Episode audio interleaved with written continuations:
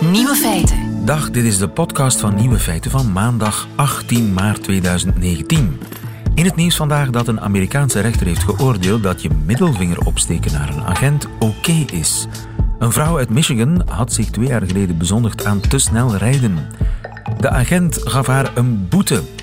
Toen ze wegreed, gaf de vrouw uitdrukking aan haar woede en teleurstelling door, en ik citeer de rechter, een bekend handgebaar te maken waarbij vier vingers niet getoond werden. De agent kon er niet meer lachen en zette de vrouw opnieuw aan de kant en gaf haar een nog zwaardere boete. Ten onrechte, zo blijkt nu, de rechter oordeelde dat burgers het recht hebben om agenten hun vingers te laten zien. En dat daarbij geen onderscheid gemaakt wordt tussen duim en middenvinger. Freedom of finger, als het ware. De andere nieuwe feiten vandaag. God blesses niet langer Amerika in de speech van presidentskandidaat Beto O'Rourke. Dit weekend is de FC de kampioenen marathon gehouden. 24 uur non-stop Carmen en Boma. En Alex Visorek zag de Champs-Élysées branden. Ook het grote nieuws van vandaag, de aanslag in Utrecht, laat ons niet onberoerd. De nieuwe feiten van Christophe van der Goor hoort u in zijn middagjournaal. Veel plezier. Nieuwe feiten. Nederland staat op stelten nadat iemand op een tram in Utrecht het vuur opende. Joris van de Kerkhof, goedemiddag. Onze man in Nederland. Eén dode toch? Ja, dus een collega van, van Radio 1 eh, die omschreef hoe iemand met een wit laken onder een tram lag. Eh, daarvan kon hij niks anders concluderen dat het een dodelijk slachtoffer is. De politie en andere diensten bevestigen dat niet. Ehm, er is wel, ik ben, ben nu op Schiphol eh, aangekomen, daar zie je wel extra bewaking. En op het Binnenhof, het politiek centrum in Den Haag, is ook extra bewaking. En daar zei eh, premier Rutte, die daar eh, een paar minuten geleden aankwam, die zei dat het een verontrustende situatie is. Ja, eh, weten we nu al of er sprake is van een aanslag, een terroristische aanslag? Nee, daar is uh, niks over bekend. Uh, uh, het kan dus iemand zijn die gewoon is gaan schieten. Ja, waarom doe je zoiets? Dat is natuurlijk volstrekt onduidelijk. Er zijn ook geruchten over dat er op een tweede plek ook geschoten is, maar dat, dat is niet bevestigd in ieder geval. Het is in die zin vooral heel veel onduidelijkheid. volgens de mensen in, in Utrecht zijn er ook in ieder geval drie mensen gewond met een ambulance weggebracht. En, en, en, en, en de politie die daarbij is in Utrecht, ja, kan inhoudelijk verder niks, uh, of wil dat in ieder geval niet, uh, vertellen over, over, over de dader of de daders. Ja, want die zijn kunnen ontkomen, of ja? is kunnen ontkomen als het één dader is. Ja, ja, nou ja, er wordt gezegd dat er in ieder geval één iemand met een, met een wagen is, is ontkomen. Um, en dat kun je ook zien op, op de A2, de, de snelweg van het zuiden naar, uh, naar, naar Schiphol toe. Um, daar zie je op de verschillende op- en afritten in ieder geval politie staan. En ook bij, bij een benzinestation bijvoorbeeld staan aparte politieauto's die zouden kunnen gaan uh, ingrijpen op het moment dat uh, dat, dat, dat zou moeten. Ja. politieactie, een uur eerder was de politie actie aan het voeren voor uh, hun, hun, pensioenleeftijd. En dan gingen ze met 66 km per uur over diezelfde A2 rijden. Uh, die politieactie die is meteen afgebroken. Want ja, de politie is vandaag niet nodig om actie te voeren. Maar de politie moet dus, moet dus handelen in ja. Utrecht. Er zou dus een legereenheid onderweg zijn naar Utrecht, hoorde ik. Klopt dat? Nou, wat ik in ieder geval gehoord heb, is dat er de antiterreureenheden eh, daar ook al eh, ter plekke zijn. Ja, wanneer is iets leger en wanneer is ja. iets politie en wanneer is iets antiterreureenheid. Um, de en, grote middelen in elk geval. De grote middelen zeker. En uh, in ieder geval uh, twee van die uh, zwaar bewapende um, beveiligingsmensen, om het maar zo te noemen, antiterreurmensen, die zijn de tram ingegaan waar de schietpartij geweest zou zijn. Dat zou kunnen betekenen dat daar ook nog een dader is, of dat daar misschien nog slachtoffers zijn. maar daar is niet meer over bekend dan wat ik nu zeg. Als er meer nieuws is, dan komen we bij jou terug. Dankjewel Joris van de Kerkhof in Nederland voor ons. Feiten. Coucou de France. Met Alex Visorek. Ja, ik maak me toch een klein beetje zorgen omtrent Alex Visorek als ik uh, zie wat er gisteren in Parijs allemaal gebeurd is. Ons man in uh, Frankrijk, onze landgenoot en mijn uh, lieftallige collega bij France Inter, Alex Visorek. Goedemiddag, Alex. Goedemiddag, lieve. Ja, het was een zwaar weekend in Parijs. Eigenlijk is le grand débat national om de crisis van de gele esjes om een constructieve manier op te lossen achter de rug. Maar je hebt het gezien, de Champs-Élysées, la plus belle avenue du monde, zoals de Fransen zeggen, is een echte speeltuin geworden voor relschoppers. Luxwinkels werden in brand gestoken en geplunderd. Er zijn wel wat reacties gekomen van alle kanten en ook reacties op die reacties. Bijvoorbeeld onze landgenoot en rode duivel Thomas Meunier, uh, die speelt uh, op Paris Saint-Germain, onder vuur te staan nadat hij op Twitter schreef Quelle tristesse, Pauvre France aux yeux du monde, waarop zijn fans fel reageerden. Het is inderdaad gemakkelijker om in Parijs te wonen als je miljonair bent en maar drie uur per week met een voetbal moet spelen. En heeft president Macron al gereageerd op de rellen? Ja, wij verwachten zijn reactie, maar president Macron was op skivakantie. Het is alsof hij altijd probeert om ergens te zijn dat hem het imago geeft van een rijke luisjongen. En het doet denken aan een vraag die de journalist David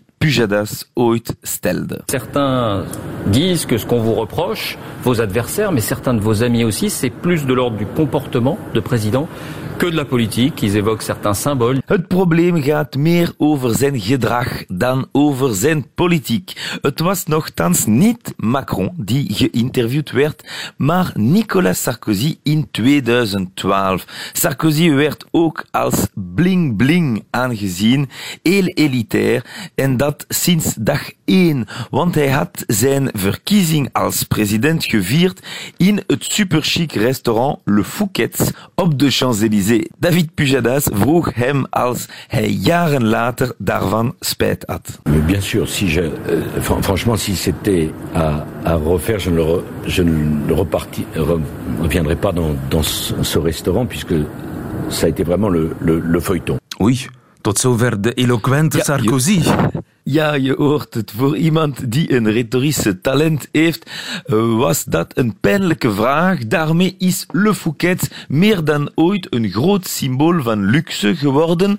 En deze zaterdag Parmi les cibles des manifestants, un autre symbole, le Fouquet's, célèbre restaurant dont la terrasse a été détruite et le store brûlé. Oeh la la la la la la, Le Fouquet. Le Fouquet werd een van de slachtoffers van de meerdere aanvallen van relschoppers. En toevallig was het niet het enige geval vorige week waar luxe en politiek elkaar op een foute manier ontmoeten. Je weet misschien nog wat Macron ooit tegen een jongen op straat zei. Vous n'allez pas me faire peur à votre petit cœur. La meilleure façon de se payer un costard, c'est de travailler. Ja, de beste manier om eh, je een kostuum te kunnen permitteren is ervoor te werken, zei hij tegen de jongen. Ja, hij was toen pas minister van Economie, maar je herkent de stijl al. Wel, niet iedereen moet werken om een kostuum te krijgen. Luister wat wij deze week hebben geleerd over Jack Lang, een groot figuur van de Parti Socialiste, die minister van Cultuur was onder François Mitterrand. L'ex-ministre de la Culture s'est vu offrir des costumes de grands couturiers et on a des chiffres. 195 600 euros de costumes entre 2013 et 2018. 195 000 euro. Heb ik dat goed begrepen, eh, Alex? Ja, hij heeft ongeveer 200.000 euro aan kostuums gekregen van een grand couturier. Kostuums Ja, voor die zijn- 200.000 euro. Heel dure kostuum. De rechtse François Fillon had problemen omdat hij kostuums van 13.000 euro van een businessman had gekregen tijdens de campagne. Vergeleken was dat peanuts. Een socialist die in luxe leeft, dat is wat wij noemen in Frankrijk la gauche caviar. Maar waarom heeft hij die peperdure kostuums gekregen? Zodat hij een ambassadeur van de merk zou kunnen zijn. Ja, Franse politici zijn ook soms mannequins. Jack Lang, c'est un petit peu la, la Kim Kardashian, la Enjoy Phoenix de la politique française. De Kim Kardashian van de Franse politiek. Jacques Lang. Enfin. Ja, Hij had blijkbaar het concept van de Mannequin Challenge fout begrepen, maar veel mensen vragen zich ook af als de baas van de luxe merken daarvoor andere voordelen in ruil kreeg. Ah, Want dat is bijvoorbeeld een man die problemen met het gerecht had en misschien wat hulp kon nodig hebben. Dus voilà voor deze week. Er zijn zij die hun woede op de slechte manier tonen. Er zijn politici die foute signaal geven. Er zijn veel meer gele esjes die rustig betogen, maar denken dat er nog niets opgelost is. Dus zijn er nog veel elementen die doen denken dat sociale vrede ook niet voor morgen is in Frankrijk. Ja, het debat nationaal is uh, voorbij, maar de sociale vrede is nog niet aangebroken. Dankjewel Alex Vizorek in Parijs voor ons. Goedemiddag. Intussen uh, paniek, mag ik wel zeggen, in Nederland, hè, Marieke? Inderdaad. Marieke van Kouwenbergen, wat zijn de laatste ontwikkelingen? Wel, het belangrijkste nieuws voorlopig is dat de dader nog altijd voortvluchtig is. Het gaat, uh, hij is gevlucht in een rode auto, daar wordt nu naar uitgekeken. Het gaat om een Rio, uh, Renault Clio liever. in de buurt van Utrecht zijn een aantal snelwegen ook afgesloten. Een paar rijstroken zijn dicht, onder andere op de A12. Vermoedelijk is er één dode gevallen bij die schietpartij op die tram vanochtend rond kwart voor elf. Maar de politie heeft dat nog niet 100% bevestigd. Er zijn ook drie mensen gewond weggevoerd. Kinderen in scholen in de buurt van het 24 oktoberplein, waar die schietpartij heeft plaatsgevonden. Kinderen moeten allemaal binnen blijven. Over het motief van de dader is er ook nog geen duidelijkheid, maar terroristische motieven worden niet uitgesloten. Intussen zit premier Rutte in crisisoverleg met de Nederlandse veiligheidsdiensten en antiterreurdiensten. Verschillende steden kondigen uh, verhoogde maatregelen, uh, veiligheidsmaatregelen af. Er is een verhoogde waakzaamheid op Schiphol, op de luchthaven. En ook rond stations en moskeeën in Rotterdam. De politie houdt momenteel een woning onder schot in de buurt van dat 24 oktoberplein. Dat meldt een uh, journalist van NOS.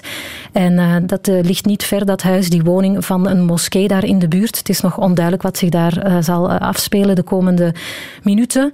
Intussen in ons land volgt het crisiscentrum die situatie in Utrecht minuut per minuut. Maar het is nog te vroeg om ook hier verhoogde maatregelen te nemen. Hou ons op de hoogte. Dankjewel, Marike. Nieuwe feiten. Er is iets raars aan de speech van Beto O'Rourke, kandidaat-president van Amerika. We are truly now, more than ever, the last great hope of Earth. At this moment of maximum peril and maximum potential, Let's show ourselves and those who will succeed us in this great country just who we are and what we can do. Ja, Beto O'Rourke die aankondigt dat hij president wil worden van Amerika. Is er u iets opgevallen aan de speech? Er ontbreekt namelijk iets. Dag Michiel. Dag Lieven. Michiel Vos, je bent onze Amerika-correspondent. Tijdelijk in Nederland, je bent in Amsterdam. Uh, wat ontbreekt er aan de speech van Beto? Ik ga raden, lieve. Ik denk dat jij het hebt over de vrouw die naast hem zit, de echtgenote van Beto, die niet spreekt. Nee. Dat wordt ouderwets gevonden in Amerika. Daar is kritiek op. Waarom zit die vrouw daar op de bank naast hem terwijl hij aankondigt dat hij okay. president wordt en ze zegt niks? Maar jij hebt het over iets anders. Ik heb het over inderdaad iets anders. God bless you. And God bless these United States of America. Thank you. Good night. And God bless America. Thank you. And may God bless you. And God bless America. Thank you.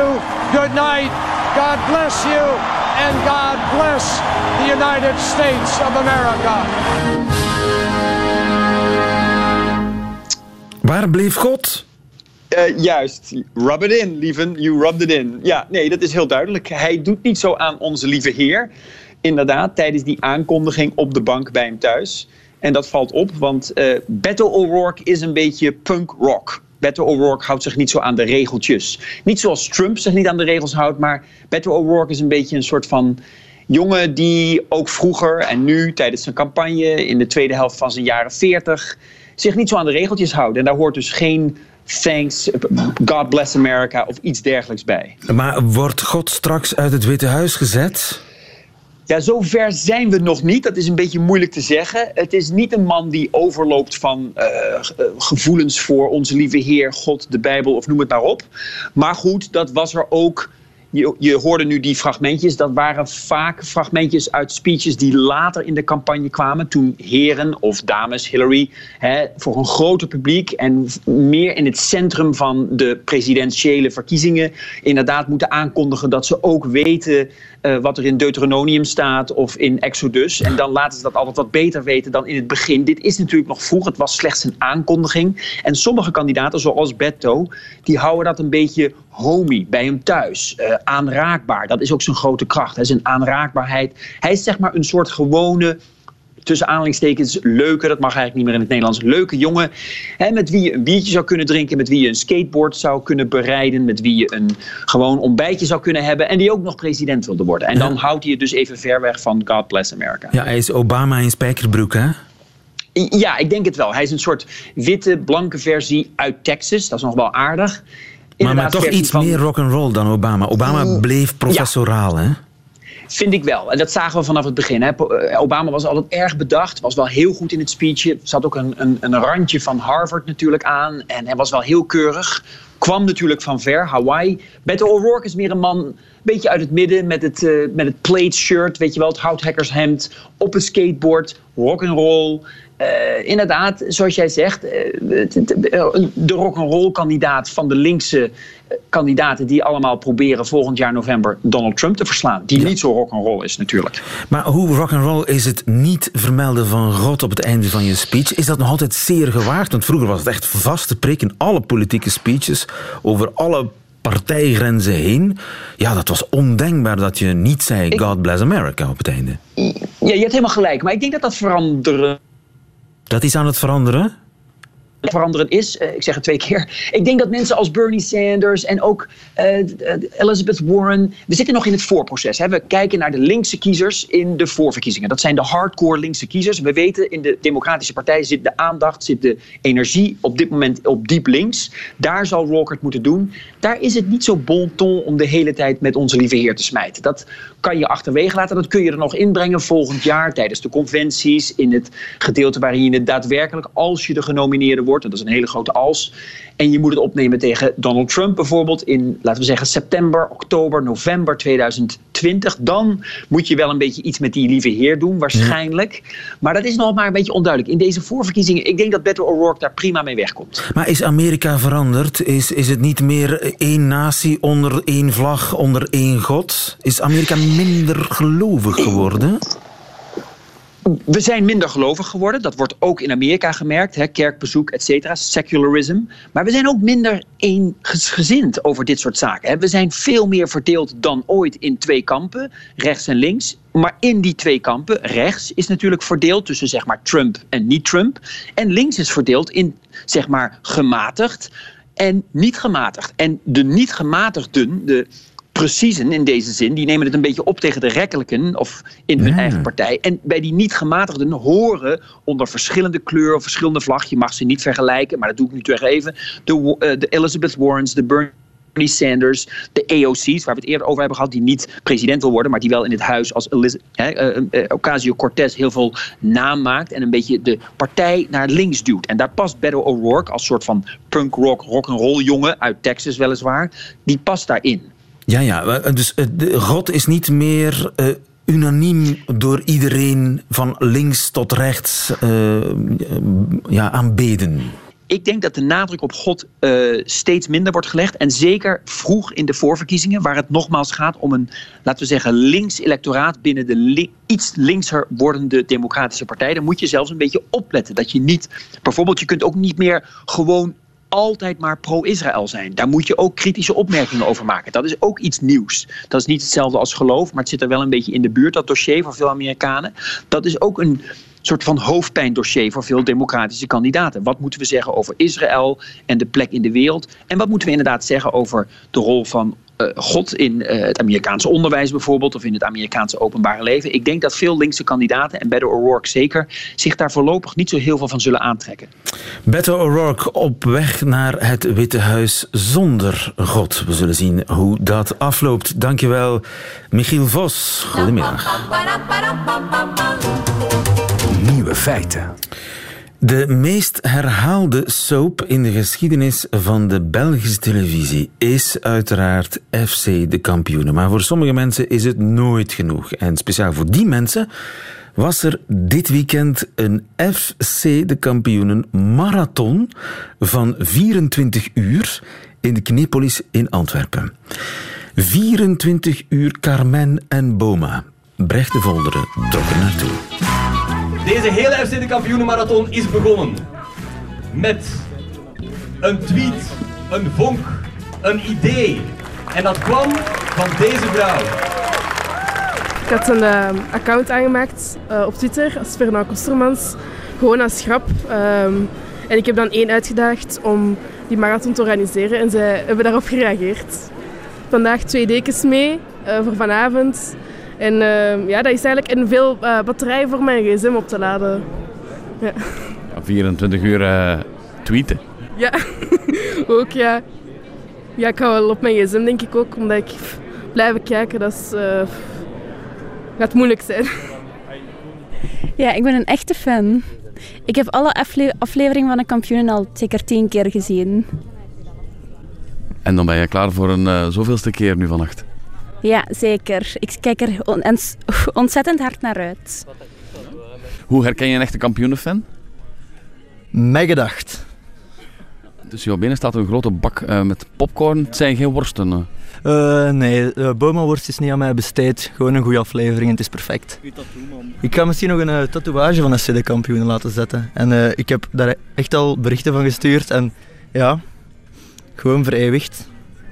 De kampioenen, dat betekent veel meer voor een persoon dan dat je denkt. Alles. Alles betekenen de kampioenen voor ons. Voilà. Wanneer heb jij het laatste kampioenen gekeken eigenlijk? Gisteravond. Gisteravond. Gisteravond Ja, echt elke avond voor ik ga slapen is dat gewoon... Ik leg me in de zetel, ik denk van, wat ga ik kijken? FC de kampioenen, voilà. En ik heb elke aflevering minstens 10, 20 keer gezien. En die blijven gewoon geweldig. Het is geen toeval dat jij vooraan zit in de zaal hier. Natuurlijk niet, want ze moeten hier straks passeren. En dan is er sowieso een foto met een bal. Hè. Balthazar Boma is mijn held en dat zal altijd mijn held blijven. Ah, dus een beetje het fotopersonage is dan nog het favorietje? Zeker en vast. Die heeft mij alles geleerd. heeft je alles geleerd? Ja, zeker en vast. Waar zitten de fans van FC de kampioenen? Maak het u gemakkelijk. Doe de schoenen uit, trek uw pyjama aan. Die hebben hier zo'n hele noek gebouwd. Die hebben heel uw slaapkamer meegebracht. Is het hier comfortabel, dames? Ja, zie eens. Zo gezellig. Jullie Jullie komen ook kijken of alleen maar slapen. Als hij zijn voetbalbeelden tonen, dan denk ik wel dat heel de zaal eh, op zijn kop zal staan. Zeker. Maken die kampioenen ooit een goal? ik denk dat ze meer tegengolen krijgen, maar uh, heel sporadisch gebeurt dat denk ik wel eens dat Marks kunnen plotseling per ongeluk een goal. ja, dus de uitslag kennen we eigenlijk ook al een beetje. Uh... Ja, die weet wel op voorhand. Daarvoor hoeven we niet te kijken. Um, het is toegestaan om hier een klein dutje te doen hè, deze nacht. Uh, ja, dat zal wellicht ook met uw hoofd op uw buurman of buurvrouw zijn. Dus misschien kunnen jullie even kennis maken als jullie elkaar nog niet kennen. Geef elkaar even een hand en drie kussen. Klein mitoeken. Ja, Jullie moeten in elkaars geur zitten hè, nog de hele nacht, dus maak even rustig kennis. Ik ben vorige week verjaard en ik had gevraagd om uh, voor mijn verjaardag die, die tickets te krijgen.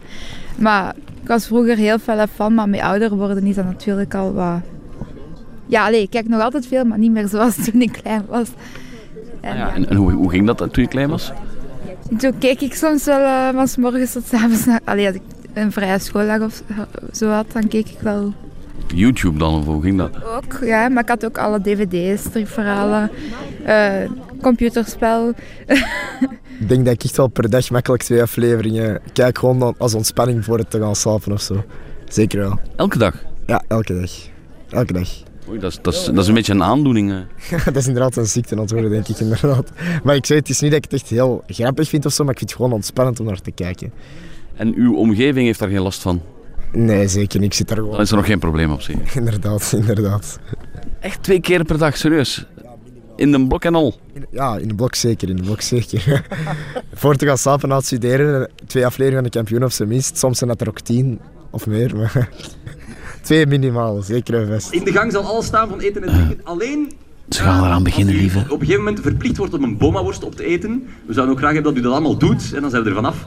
Die mag u buiten gaan halen. Want dat stinkt zo hard dat we dat hier absoluut niet binnen willen. Nee, dat moet Het is nagerekend 24 uur. Dat is drie recuupdagen. Ik stel voor dat ik in naam van de media. U mag pas binnen als die helemaal op is. enige afstand neem nu en terugkom na de laatste. Na de laatste. Morgen gratis naar het toilet. Het was eh, heel leuk. Het was eh, heel snel gedaan. Het leek of dat het eh, geen 24 uur duurt eigenlijk. Dat was leuk om mee te maken, om zo ook in eh, middernacht nog in de cinema door te brengen. De hele nacht door. Het zal wel zijn, mijn gedacht. ja, mijn gedacht. Ik ben een beetje moe, want ik heb niks geslapen. Jij wou niks missen natuurlijk. Eh, nee, ik wou niks missen, nee. Maar praat je nu iets trager of heb ik dat zo... Is dat maar een indruk? Oh, nee, gewoon. Ik ben van moe, moe hè, dus dan gaat alles wat trager en zo. Sweet slapen en dan eh, komt dat goed, hè. Je hebt net 24 uur erop zitten. Hoe lang zal het nu duren voor je opnieuw de kampioenen kijkt? Ja, als ik thuis in mijn bed lig, ga ik wel mijn kampioenen terug opzetten en ga ik gewoon zo in slaap vallen. Ik weet waarover jij gaat dromen vannacht. De kampioenen. Ja, na 24 uur de kampioenen toch nog eh, goesting hebben om in je bedje voordat je dan werkelijk gaat slapen toch nog een eh, aflevering mee te pikken. De wonderen zijn de wereld inderdaad nog niet uit. Nieuwe feiten. Middagjournaal. Goedemiddag. Mijn oudste zoon, hij wordt over enkele weken 12, is op sneeuwklasse. Samen met een zestigtal andere jongelui van het zesde leerjaar uit de basisschool. Vandaag is het hun laatste dag in Lezain, Zwitserland. Net voor het vertrek, een week geleden, bijna iedereen had al plaatsgenomen in de mooie dubbeldekker, hoorde ik een onbedaarlijk gesnik vanuit een hoek op de speelplaats, waar de afscheidnemende ouders in groepjes bij elkaar stonden. Een meisje huilde, haar lijf schokte hevig. Ze klemde zich met beide tengere armpjes rond het lichaam van haar moeder. Zonder omkijken herkende ik het meteen. Dit geluid was het geluid van een enorm gemis. Nog voor de bus vertrokken was, nog voor de toekomstige oorzaak van het gemis had plaatsgevonden. Zo klinkt een diep verlangen naar het veilige en het geborgene, naar het bekende van het zekere. Dat herkenbare geschrei wierp me in één ruk meer dan 30 jaar terug in de tijd, toen ik zelf halfweg het jaarlijkse kamp van de KSA tijdens de bezoekdag niet snel genoeg in de auto naar huis kon springen. Heimwee. Ook al vond ik het best wel leuk, want er werd overdag veel honkbal gespeeld en dat deed ik graag. Deze week verscheen er iedere avond een sneeuwkrantje op de website van de school en enkele foto's op Facebook. We konden lezen dat het hevig had gesneeuwd, dat ze na een wandeling een mooi uitzicht hadden op het meer van Genève, dat er spinaziepuree met varkensgebraad op het menu stond. En toch leek dat niet voldoende. Toch voelden mijn vrouw en ik de hevige behoefte om even contact te kunnen hebben, even een berichtje te sturen, te bellen om een paar voor de hand liggende vragen te stellen. Vind je het leuk? Heb je al een rode piste mogen doen? Is het koud? Alles kids met de vrienden? Vreemd, want de foto's zagen er best wel leuk uit. En als er echte problemen zouden zijn, hadden we dat al lang vernomen via een leerkracht. Geen nieuws, goed nieuws, zoals het cliché het wil, zoals het vroeger was. En toen bleef de wereld ook draaien. Maar nu, door de vooruitgang, zeg maar, de sociale en andere media, wil je instante informatie. Het hier en het nu regeren. We willen onmiddellijk bevredigd en geprikkeld worden. Vanochtend zat er een kaartje in de bus. Vanuit Zwitserland, jawel. The old-fashioned way, dus geschreven op dag 2 van de reis. Met een beschrijving van de gebruikelijke dingen, zoals het eten, de activiteiten en het uitzicht van de kamer. Maar ook met een zuchtje heimwee. Soms verveel ik me, lazen we, en wil ik naar huis om twee zinnen verder te eindigen met... Ik hoop snel thuis te zijn. Morgenochtend komen ze thuis. We gaan pannenkoeken bakken. Hij mag er heel veel siroop op smeren. Ik ga naar zijn verhalen luisteren en het laatste nieuws over Maggie de Blok meegeven, want Maggie de Blok vindt hij wel een figuur. Ik ga hem de wereldgoal van Lionel Messi laten zien. En daarna mag hij Fortnite spelen. Ach wat. En vooral chillen. Zich letterlijk wentelen in het bekende en het zekere. Het is fijn. Thuiskomen.